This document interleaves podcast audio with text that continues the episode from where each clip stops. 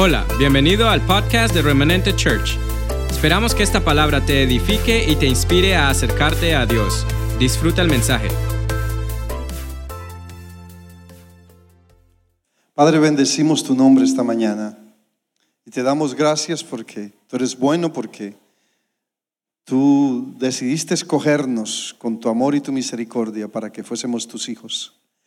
Y hoy venimos, Señor, dispuestos a recibir tu palabra. Declaro que tu palabra esta mañana penetra como esa espada de dos filos que tú dices que va hasta lo más profundo.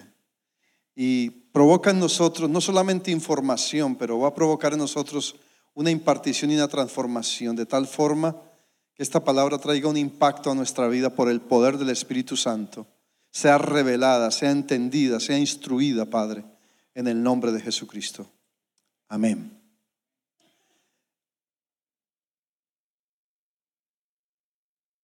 Nosotros a veces vivimos un evangelio muy tradicional, que está permeado, cubierto de a veces de religión o de emociones.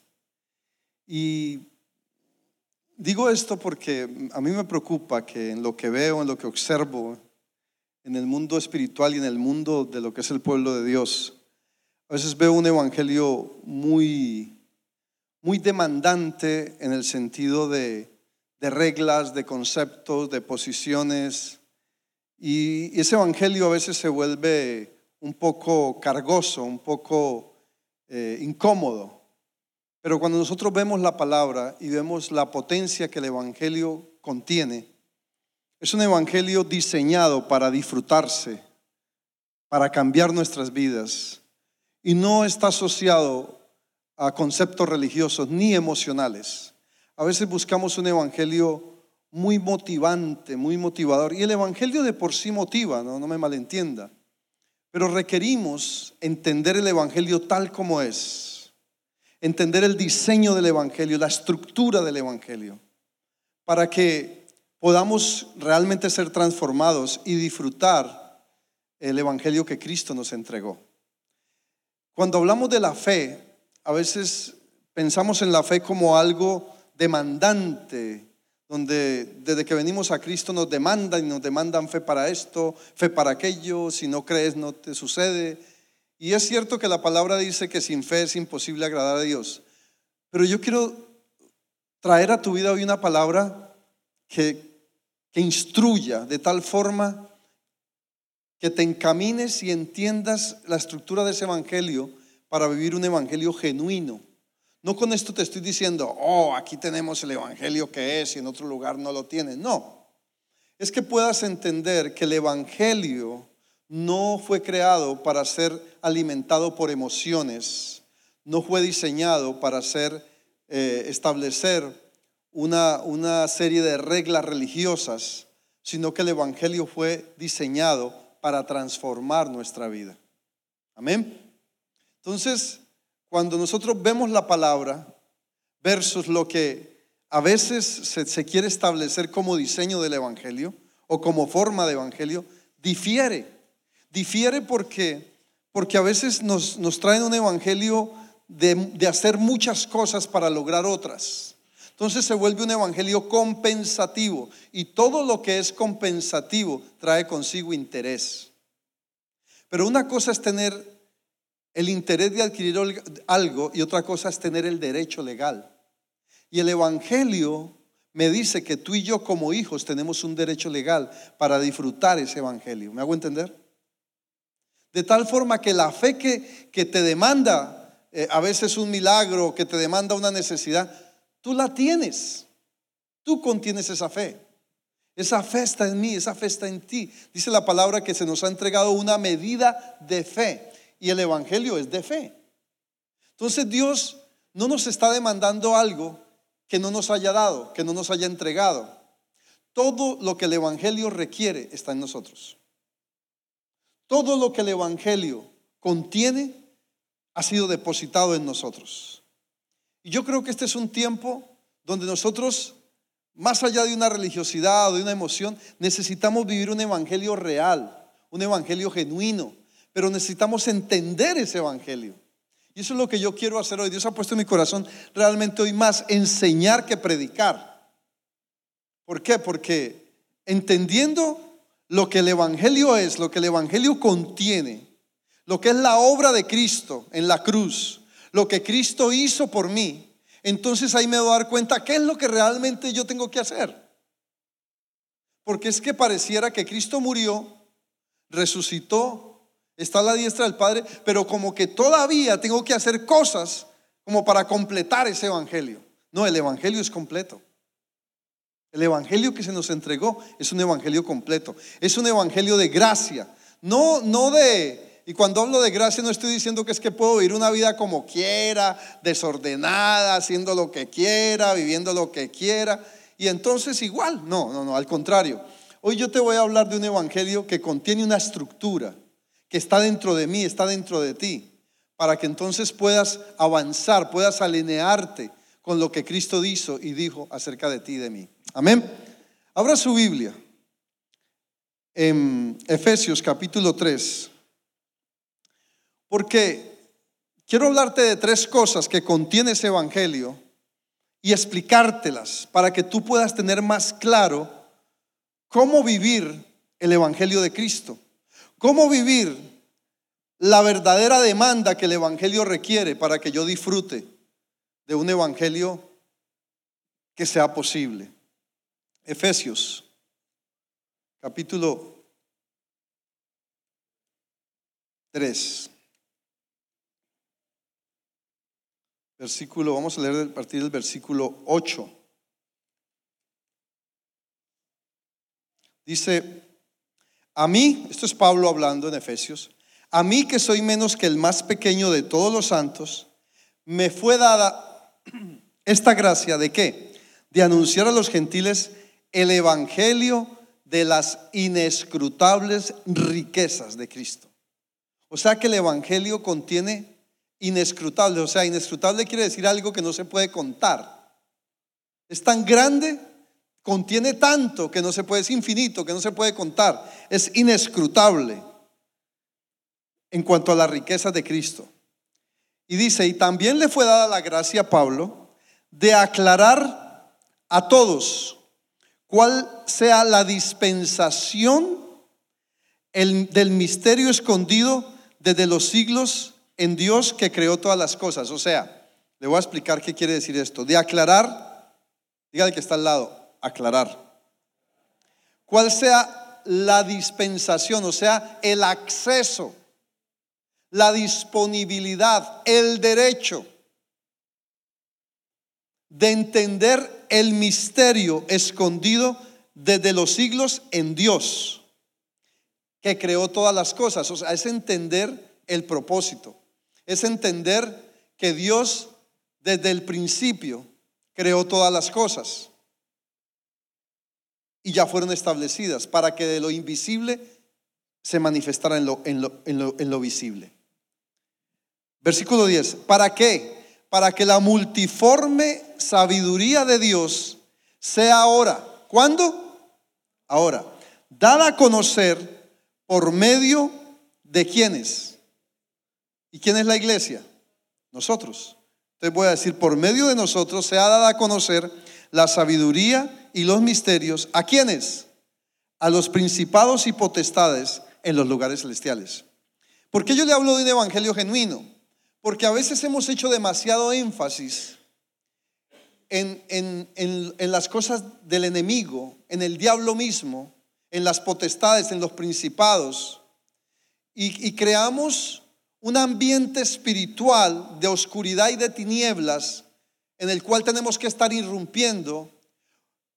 Y pareciera con esto que el enemigo tiene que enseñarnos o instruirnos o es mayor que nosotros, cuando aquí este pasaje lo que me está diciendo es que nosotros somos mayores que ellos. ¿Por qué? Porque el mayor instruye a quién? Al menor. Porque dice que la sabiduría y el misterio se nos fue dado, o sea, tuvimos acceso. Lo que quiere decir que ya no hay misterios, porque ya fueron revelados.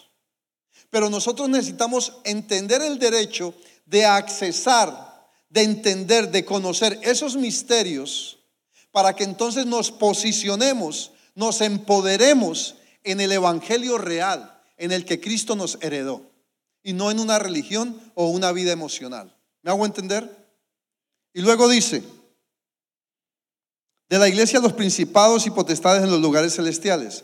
¿Conforme a qué? Conforme al propósito eterno. ¿Propósito qué?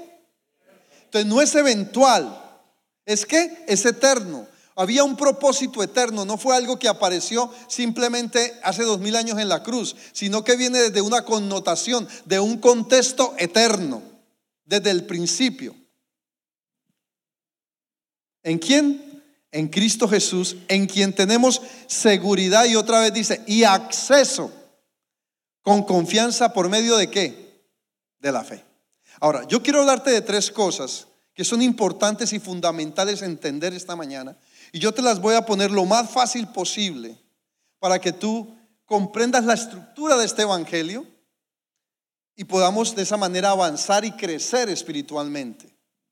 Lo primero que te quiero hablar es de diseño. El Evangelio contiene, es el producto de un diseño que no solo nos muestra el, el origen de cómo las cosas invisibles se hicieron visibles, sino que también nos permite entender ese misterio. Ese diseño me permite entender cómo algo invisible se vuelve visible, cómo algo sobrenatural lo veo naturalmente, pero además me permite entender el misterio que contiene lo que Dios desde el principio buscaba.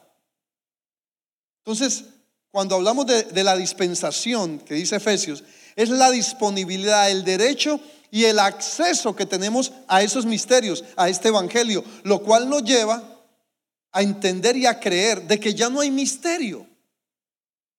Ya no lo hay. A veces volvemos la vida cristiana tan misteriosa como, de, como que solo algunos eruditos o entendidos tienen acceso a él. No, tú y yo tenemos acceso a esos misterios. Necesitamos entenderlo, porque dice la palabra, y después vamos a leer otra escritura, de que ya no hay misterios, porque fueron qué? Revelados. Entonces lo primero es diseño.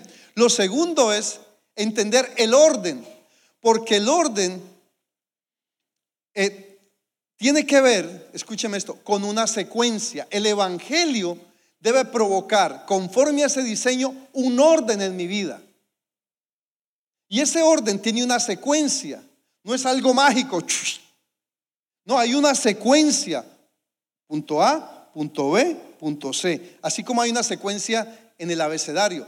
Así como hay una secuencia en lo numérico. El 1, el 2, el 3. Hay una secuencia de menor a mayor. Entonces, dentro, entendiendo el diseño, yo voy a entrar en un orden. Porque el diseño me permite ver que tengo un derecho. Hablo del Evangelio. Que tengo un derecho de accesar, de conocer lo que Dios quiere y tiene para mi vida. Pero hay una secuencia, ese diseño, entender ese diseño me va a traer un orden en mi vida que es sobre una secuencia de transformación, de obediencia, de búsqueda, de, de disfrutar, de fe, me va llevando a una transformación que va provocando orden en mi vida. Diseño, orden. Y esa secuencia, entonces la secuencia no es inestable, es consecutiva.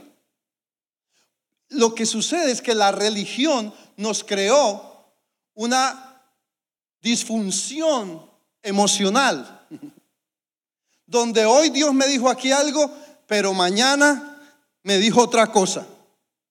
Entonces no me gustó lo que me dijo hoy y yo le oré al Señor y me dijo otra cosa. Ahí no hay secuencia. El Evangelio tiene que provocar secuencia. El Evangelio, para que sea el Evangelio real, genuino, tiene que provocar orden. Y las emociones no necesariamente me dejan vivir un orden, porque los estados de ánimo, cuando vivimos la vida cristiana, por los estados de ánimo, un domingo venimos y otro no. No, no estoy echándole a nadie nada, estoy tratando de explicar.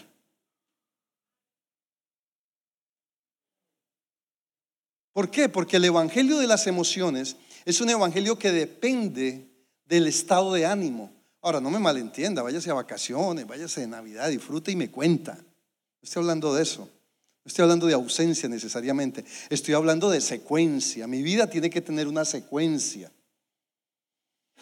El Evangelio, cuando cobra vida en mí, tiene que tener una secuencia. Tiene que traer un orden para que sea genuino. Si yo no estoy viendo que este evangelio que practico, más allá de que sea bueno, sea malo, que este evangelio que yo practico, primero tengo que entender el diseño. Si algo yo veo en algunas religiones, como los mismos musulmanes o algunas prácticas religiosas como los testigos de Jehová, los mormones, ellos tienen una secuencia dentro de su fe. Usted le pregunta a ellos y ellos tienen claro lo que ellos creen. Equivocado o no, ellos tienen claro. El Islam mismo, el musulmán, igual usted habla con ellos y ellos tienen claro. Entonces nosotros los hijos de Dios necesitamos tener claro el diseño para que podamos vivir y ser transformados por un evangelio real. Donde veamos que esto da fruto, que es que el evangelio fue diseñado para dar fruto. Y hay una secuencia en el fruto. Lo siembro, la semilla. La siembro, brota, crece, se expande, da fruto y se disfruta. Simple. Lo otro que quiero hablarte. Ahora, escuche esto. El orden le da sentido a la construcción del diseño. ¿Por qué? Usted ve que cuando se construye una casa, ¿qué es lo primero que se hace? ¿Qué es lo primero que yo tengo que tener firme en este evangelio? Mi base. Este evangelio es algo firme. ¿En qué está fundamentado? En mis emociones me voy al piso. Pero si está fundamentado en mi fe, me sostengo. Y sigue la secuencia de ese orden. Construyo los pilares. La obediencia, la bendición, la comunión, la relación con Dios hasta que me va llevando a qué? A un, a un techo, a una madurez. Hay una secuencia. Es simple medir este evangelio. Y esa secuencia se manifiesta en fruto.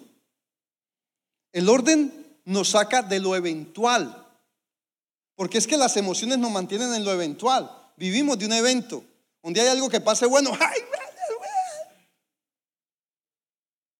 En cambio, cuando yo entro en orden, yo no dependo de las circunstancias, de lo que veo, bueno o malo, sino que dependo de qué? Del diseño que me mete en un orden y en una secuencia.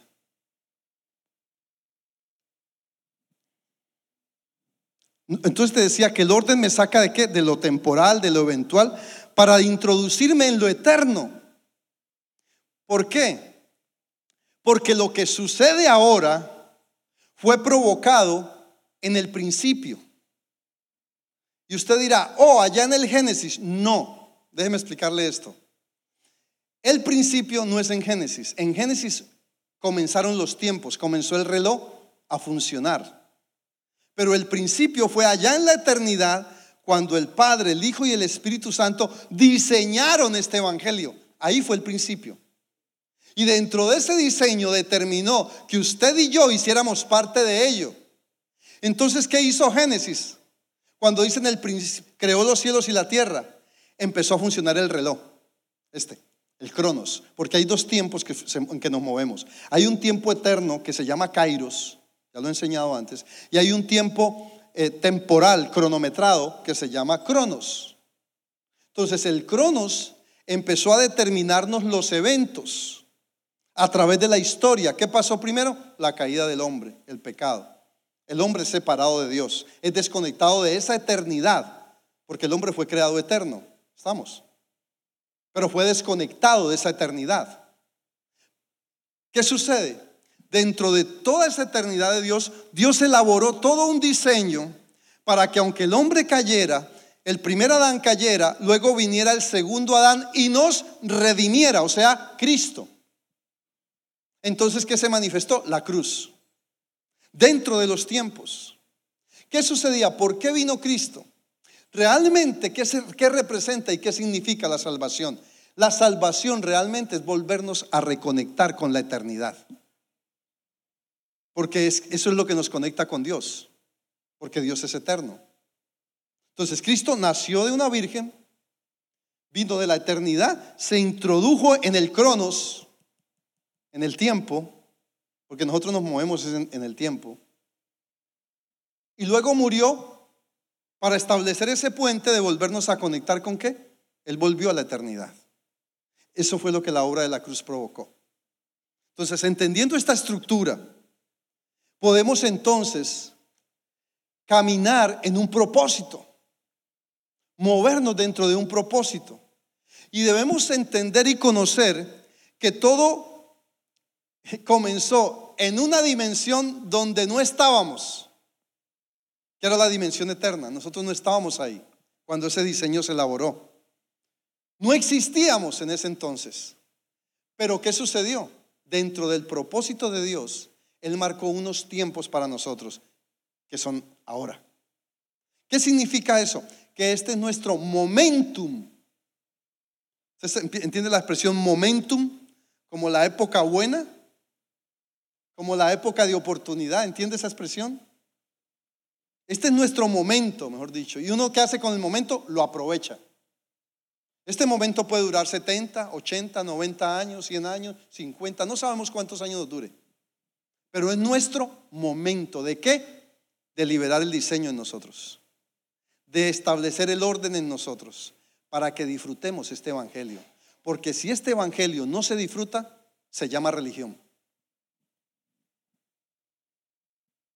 Si usted no, es, no, no, es, no le es posible disfrutar este Evangelio, entonces porque está viviendo una religión. Porque el Evangelio fue diseñado para disfrutarlo, no para que me incomodara, no para que se me volviera una carga, no para que, porque es que, ¿sabe lo que ha sucedido? Cuando dice la palabra en Mateo que toma, su, toma mi cruz y sígueme, la gente piensa que tiene que ver con dolor, sufrimiento, prueba, derrota. No, tiene que ver con propósito. Lo que te está diciendo esa palabra es, toma mi propósito porque cuando yo morí en la cruz, lo que hice fue liberar el diseño sobre tu vida, conectarte con la eternidad, meterte en el propósito de Dios. Lo que está diciendo es, toma tu propósito y vívelo y sígueme.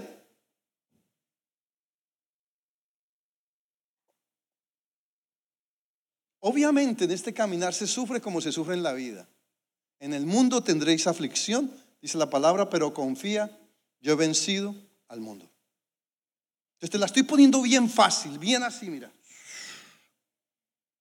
Porque necesitamos vivir un evangelio real, genuino, que dé fruto, que lo disfrutemos, que no sea aburrido buscar de Dios, que no sea aburrido orar, que no sea aburrido ir a la iglesia, que no sea aburrido en casa decirle, vamos a orar, vemos, oremos un rato.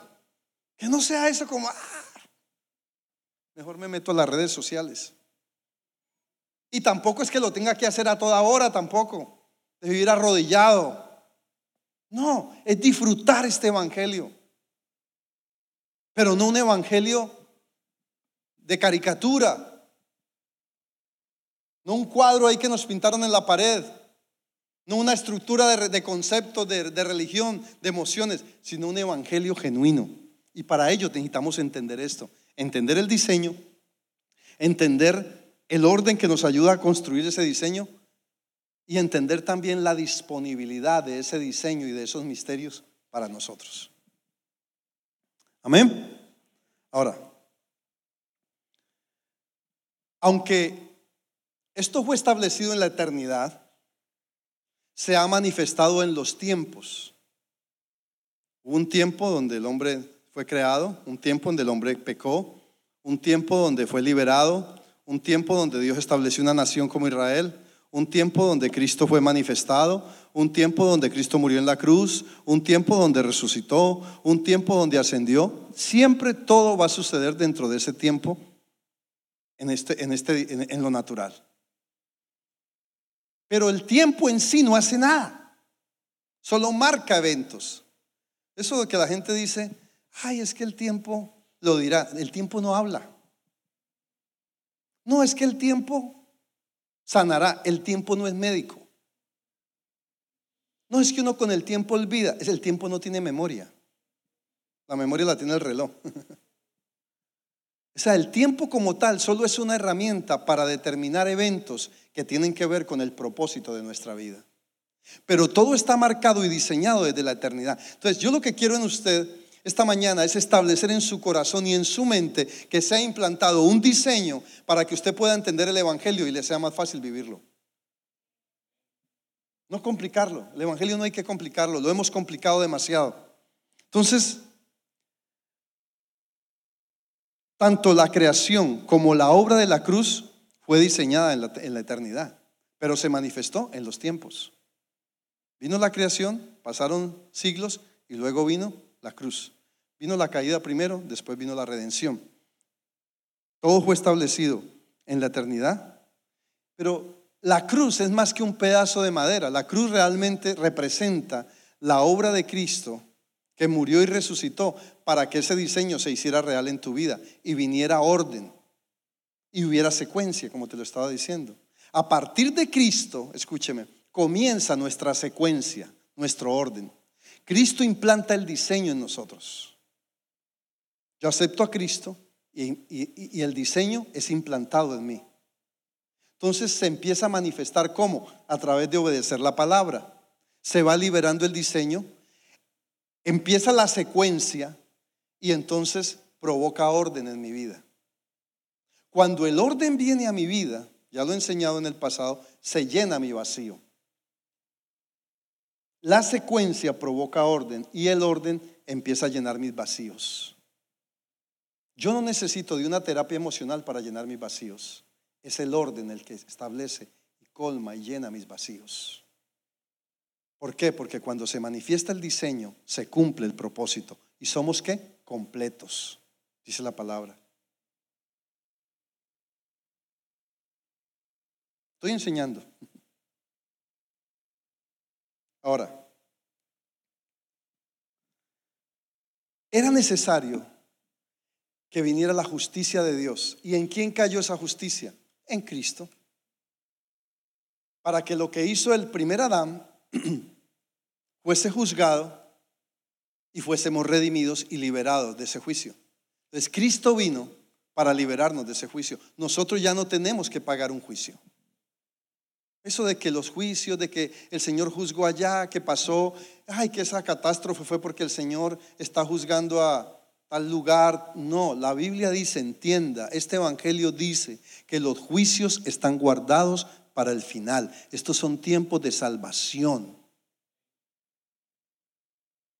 Eso mantenemos calificando y condenando gente. Claro, es que esa gente le cayó ese juicio. No, por lo menos eso no es lo que mi Biblia dice.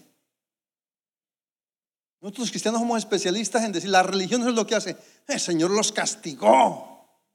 Espérate, espérate. La Biblia me dice que es tiempo de salvación. ¿Lo ha leído? Entonces no es tiempo de juicio. El juicio vendrá. Habrá un juicio donde serán juzgadas las naciones, donde serán juzgadas las obras, donde será juzgado todo. Ahora es tiempo de salvación. Tiempo de disfrutar y liberar el Evangelio para que alcance a otros. Entonces, el único juicio se, se ejecutó en la cruz. Ahí fueron juzgadas todas las cosas, todos los pecados fueron juzgados ahí, fueron condenados para que tú y yo fuésemos libres.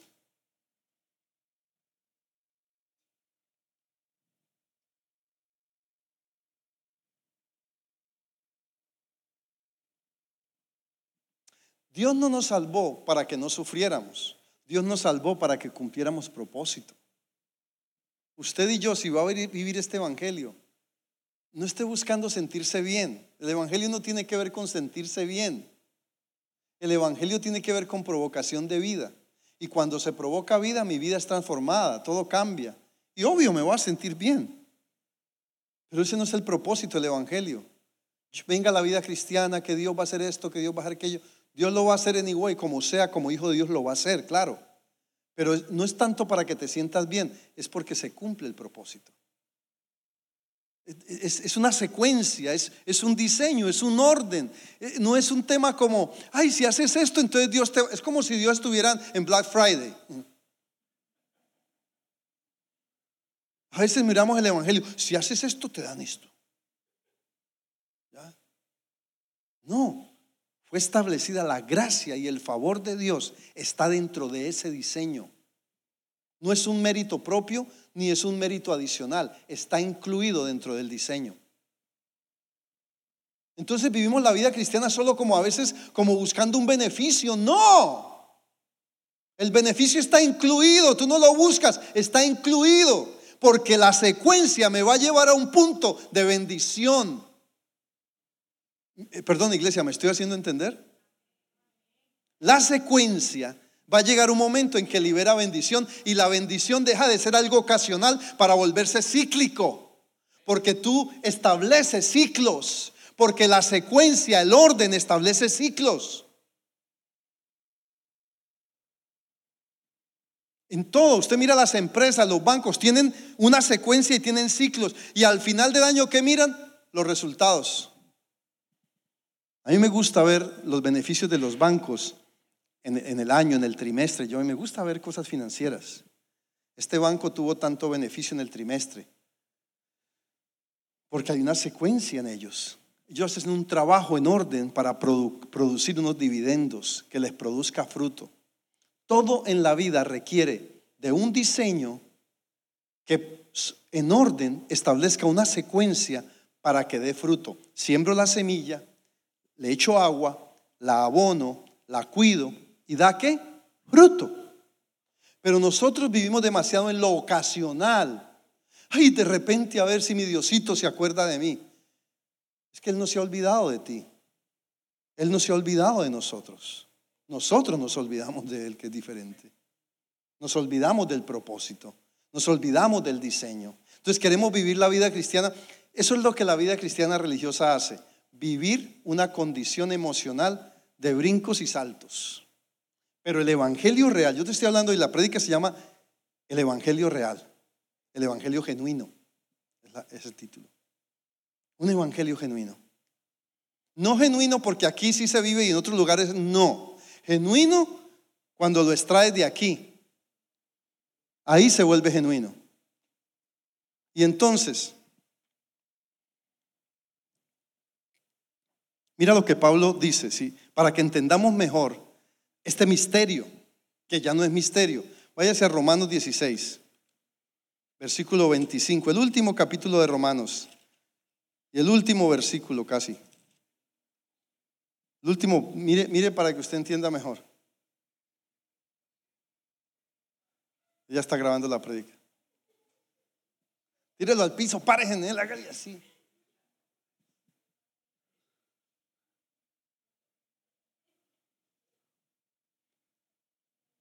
Ok, mire lo que dice Romanos 16 y yo le voy a ampliar más esto. Ya se lo desmenucé, ahora se lo voy a ir amarrando.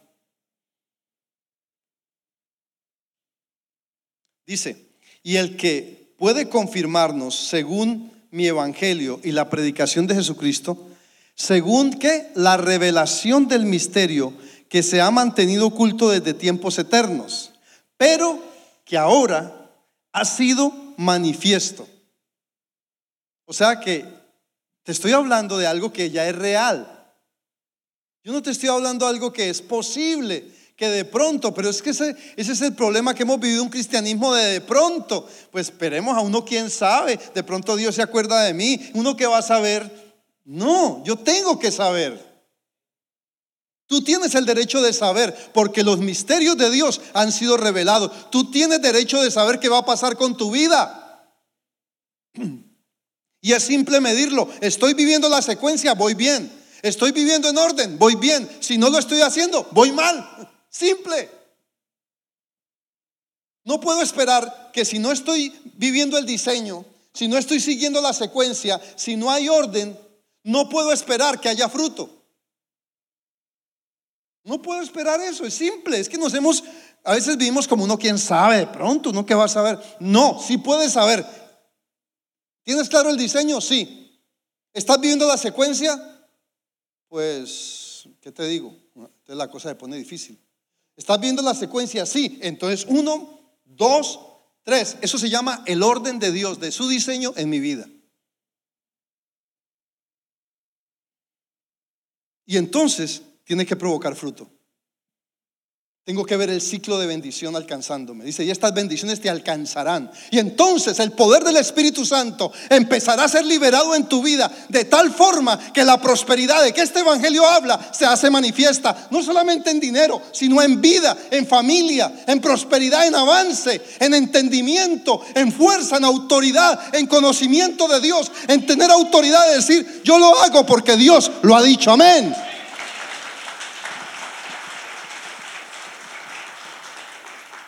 Tiene que haber un producto de este evangelio.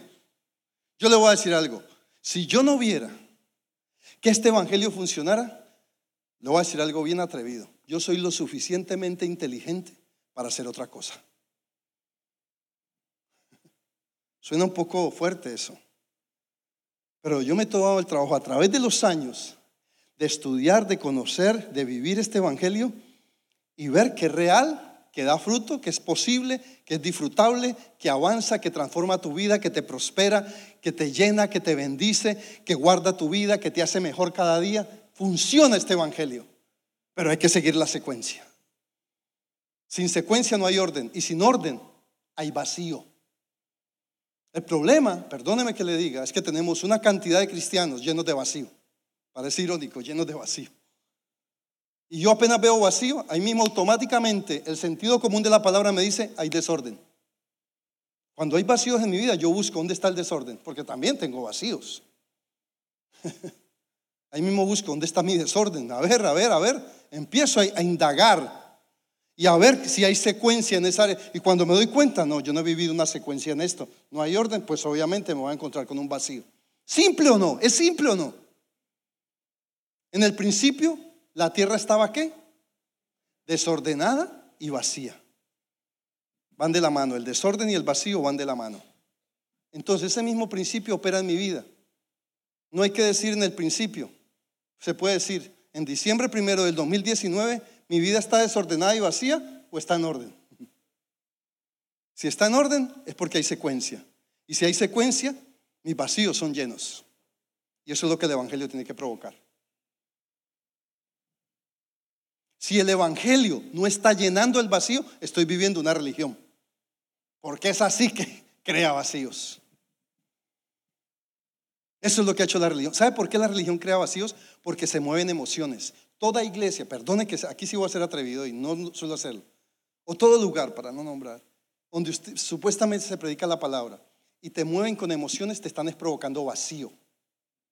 Porque cuando no hay la emoción, ay, ¿qué pasó? Hoy me hizo falta la unción.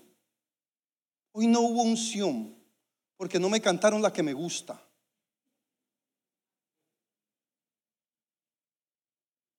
¿Ves? Donde se promueve emociones y de eso hay bastante. Hoy se levantan iglesias basadas en un diseño emocional. En me gusta como lo están haciendo allá. Yo, hay algo que yo dije en el, en el Congreso en Colombia que fue bien contundente. Nuestra esencia y nuestra identidad no está basada en el tipo de iglesia que hacemos, libre o menos libre, está basada en el diseño. Otra vez, nuestra identidad no está basada en el tipo de iglesia que hacemos, la identidad del Evangelio en nosotros. No está basada en el tipo de iglesia que hagamos más moderna, menos moderna, contemporánea, con música, está basada en el diseño. En cuanto del diseño, formamos. Y esto que yo estoy haciendo esta mañana es liberando el diseño y, tratando por el Espíritu Santo de que el diseño sea implantado en su vida para que venga el orden. Porque para poder construir algo, mi vida en este caso, necesito ese diseño. Y ese diseño necesito vivir una secuencia para que se produzca, produzca orden. ¿Por qué hay vacío? Porque no hay secuencia en nuestra vida. ¿Hace sentido o no? Mírelo y verá. Mírelo y verá. En un área donde haya vacío en su vida, la secuencia a veces es de dolor, de, de, emociones, de circunstancias, de confesiones, porque lo que confesamos también corta el proceso. Porque si yo estoy viviendo una secuencia, un proceso y un orden de vida, que es lo que el Evangelio provoca, y yo confieso muerte, entonces estoy dañando la secuencia. Entonces este Evangelio es simple, es la, la mejor manera y más sencilla que pude traérselo esta mañana para explicárselo. ¿Por qué? Porque yo personalmente, si yo predico el Evangelio, yo quiero predicarte un Evangelio que realmente cambie tu vida, no que te entretenga. Yo, perdóneme, pero esa no es mi parte.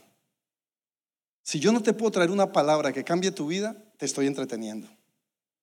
Y entretenimiento hay en el circo, hay en el zoológico, hay en muchas partes, hasta en Facebook. La idea es que tú tomes esta palabra y digas, ok, ¿qué voy a hacer con ella? O me entretengo o la vivo. ¿Por qué? Porque la idea es que mi vida sea transformada. Yo quiero que usted entienda algo. Cristo venció el pecado, venció la muerte, venció el sistema del mundo, venció la carne, venció la caída, venció a Satanás. Nosotros no tenemos que vencer a nadie, ya fue vencido.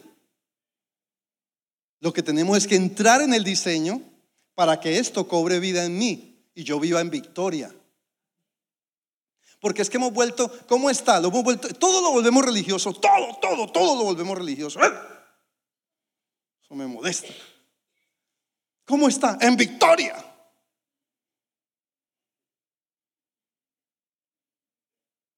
¿Cómo está? De gloria en gloria. ¿Será Gloria Jiménez, Gloria Castaño, Gloria? Pero yo quiero ver más que eso, más que una declaración, yo quiero ver una secuencia. Es simple. Mira tu secuencia cómo está. Y si hay secuencia, entonces hay orden. Y si hay orden, tu vacío va siendo lleno. Pero si no, no. Y dentro de esa secuencia, la victoria se va manifestando. Porque voy entendiendo el diseño de Cristo en la cruz, que murió por mí, venció a Satanás. O sea, pero es que nos vivimos entretenidos fajándonos con el diablo en vez de vivir la vida cristiana. ¿Qué es mejor, obedecer o fajarme con el diablo? En la obediencia está la victoria. Porque en la obediencia y en la secuencia hay proceso. Y no hay gloria sin proceso. Dale ese aplauso al Señor.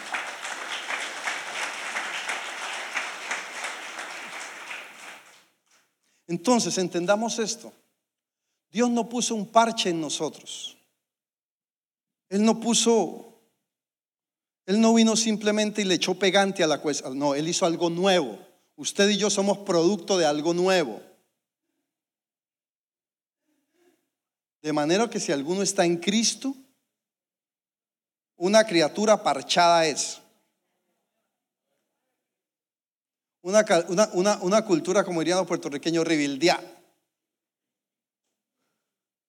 Rebuild, no. Usted es una nueva criatura. Es, Dios se propuso que tú y yo fuésemos nueva criatura. No algo parchado. A veces nos sentimos como parchados. No somos nueva y necesitamos movernos como tal.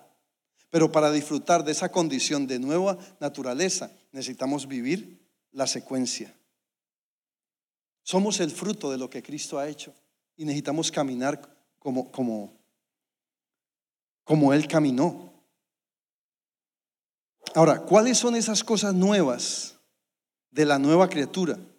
Porque a veces pensamos que, que tiene que ver con dejar de hacer cosas malas para hacer cosas religiosas. No podemos vivir ese evangelio. El evangelio que se ha predicado es deja de hacer cosas malas para convertirlo a uno a cosas religiosas. No, no vale la pena. Si yo dejo lo malo y el pecado, es para vivir el diseño, no para vivir emociones ni vivir cosas religiosas. Porque entonces paso de una religión a otra. La, idea es entender el diseño, vivir el diseño, alcanzar el orden, llenar el vacío y disfrutar de este Evangelio para que sea genuino. A pesar de lo que estén diciendo allá afuera, el Evangelio es poder de Dios para salvación a todo aquel que cree. Así que en Cristo todo debe ser nuevo, no hay nada viejo, no hay nada remendado, nada incompleto. Al contrario, dice que en Cristo estamos completos. Lo que pasa es que hemos vivido en la, en la, en la, en la doctrina de las luchas. ¿Cómo va ahí? Como el Señor quiere. ¿Cómo está, hermano? En el desierto. Y ponen cara de desierto, seca. Yo siempre lo he dicho, si Israel no se hubiese quedado en el desierto, no había doctrina del desierto. Nosotros no fuimos redimidos para vivir en un desierto, fuimos redimidos para vivir en la gloria del Señor. Vendrán desiertos, pero siempre será mayor la gloria que el desierto.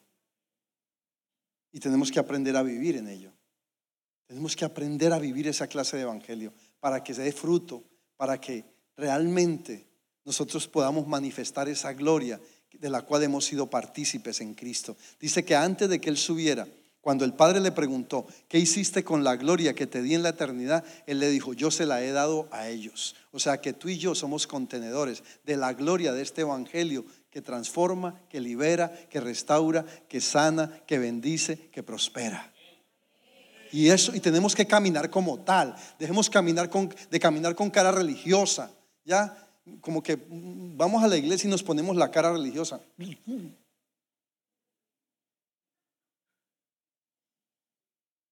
No. Nosotros debemos ser la gente más feliz del mundo.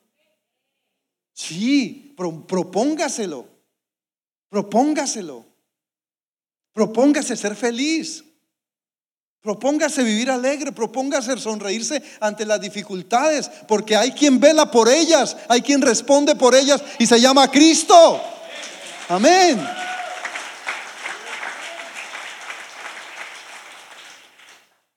Dicen que este sistema es un sistema de soledad, solo el diablo. Nosotros necesitamos vivir como si estuviéramos llenos de, plenitud, de gozo, como si está solo, haga de cuenta, usted lo rodean cantidad de ángeles. Tenemos que aprender a vivir como el Evangelio dice. Y entonces viviremos un Evangelio genuino y provocaremos todo aquello que, fue diseñado para nosotros. Y cuando entiendo que soy esa nueva criatura, la tribulación, la carga o prueba, todo eso deja de ser parte de nuestra vida. Nosotros no, no, fuimos creados para ser azotados por el diablo todo el tiempo. Hay lugares donde solo se predica el golpe del diablo. Y le cantan al diablo y todo. Pero nosotros, ese evangelio, léase las, las epístolas de Pablo, dice que es poder de Dios para salvación, para libertad, para sanidad, todo aquel que cree. Necesitamos caminar en una actitud de un evangelio. Ahora, ese evangelio y esa secuencia me lleva a vivir correctamente. Libera integridad en mi vida, en tu vida. Y entonces la fe deja de ser un esfuerzo y la santidad también deja de ser un esfuerzo. Porque es que nosotros mantenemos haciendo cosas para ser santos. No haga eso porque es malo, entonces soy santo.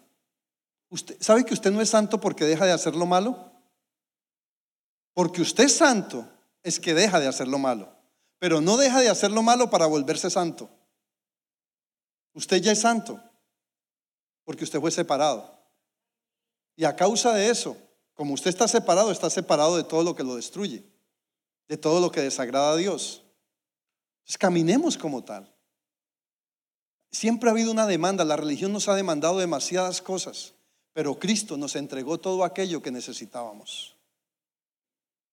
La fe está en ti. Opera en ella. Úsala. Tú necesitas, ese milagro que necesitas, tú contienes la fe para ese milagro. Déjeme hacer referencia a algo ahora que veo a hermano José, con respeto, hermano José. Hace unos meses, hermano José estaba en el hospital. Y cuando yo lo vi, lo vi bien mal. Yo quería que era el testimonio del juez, pero no estuvo aquí. Yo lo vi bien mal. Y oramos.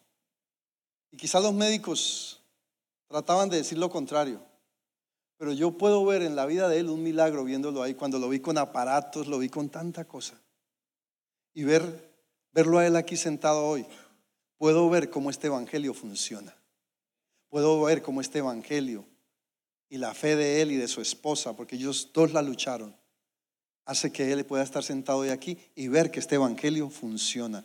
Porque este evangelio, cuando se cree y se libera la fe, funciona. Funciona. Porque es poder de Dios para lo que tú necesites. ¿Para qué necesitas tú el evangelio?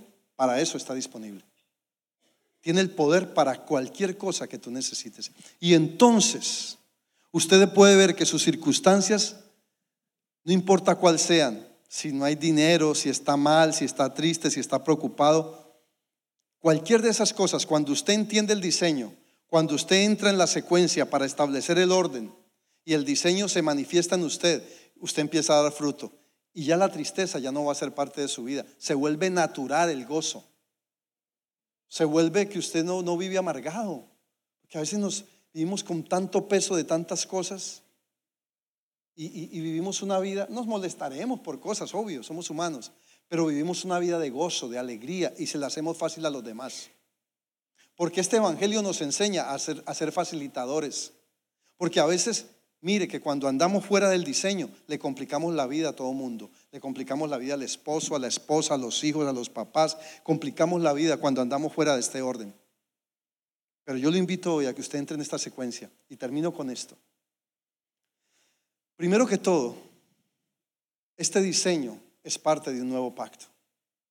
Estableció un nuevo pacto en Cristo y usted hace parte de él. En segundo lugar, entender este Evangelio, caminar en ese diseño, renueva mi mente. Los pensamientos religiosos se van, los pensamientos de tanta cosa que cargamos en la cabeza, tanta tradición, tanta complicación, es arrancada porque la secuencia, el orden, va ordenando mi mente y va ordenando mis pensamientos. En tercer lugar, mi corazón es renovado. Cuando se va llenando el vacío, ¿qué pasa con el corazón? Que sabe que el problema más grande de nosotros es el vacío. Porque cuando nos hace falta algo, no queremos a veces saber. Cuando uno amanece que no quiere saber nada de nadie, es porque hay vacío. Yo sé que a usted no le pasa eso.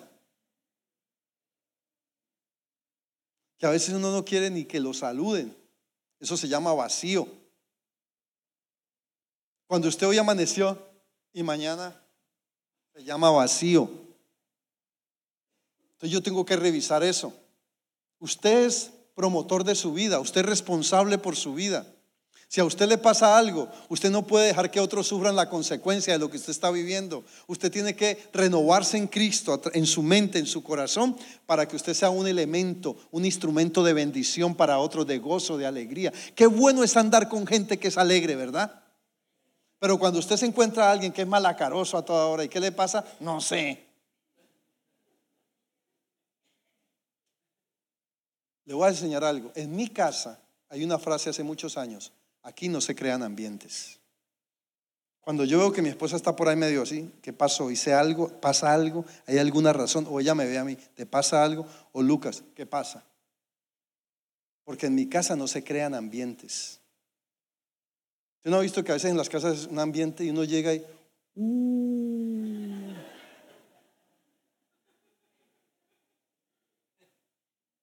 uno llega ahí mismo y da cuenta que algo pasó porque hay ambientes creados, porque hay vacío. Pero donde hay alegría, uno llega y le dan crispeta con leche. O sea, palcor. Ayer fue un lugar donde me dieron palcor con leche.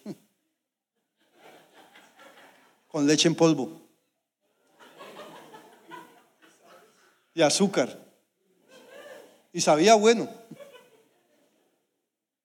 O sea, usted, usted, usted llega a lugares donde usted ve alegría y eso demuestra que ahí el vacío está siendo lleno. Pero cuando usted llega a lugares donde hay ambientes pesados, ¿sí o no sucede? ¿En su casa mismo sucede a veces? Entonces tenemos que quebrantar eso, porque nosotros hemos sido creados para liberar el diseño, para entrar en el orden, para seguir seguir la secuencia, establecer el orden y con ese orden se llena el vacío. Eso es el Evangelio, así de simple. Entonces, eso va a transformar mi corazón. En quinto lugar, en cuarto lugar, dice el salmista, crea en mí, oh Dios, un corazón puro y renueva un espíritu recto dentro de mí. el, el entrar en esa dimensión de ese evangelio genuino, va a renovar mi espíritu.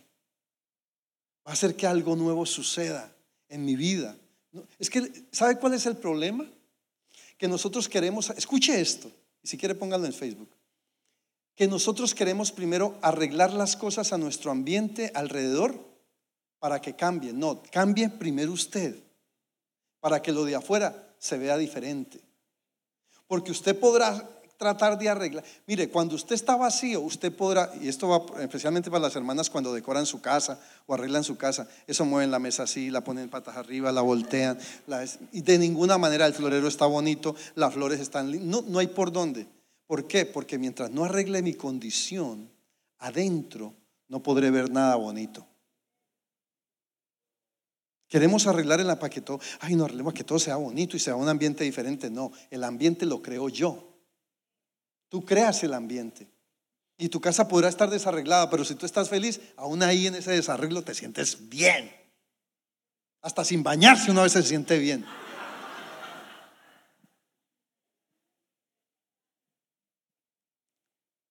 Igual hay un nuevo sacerdocio.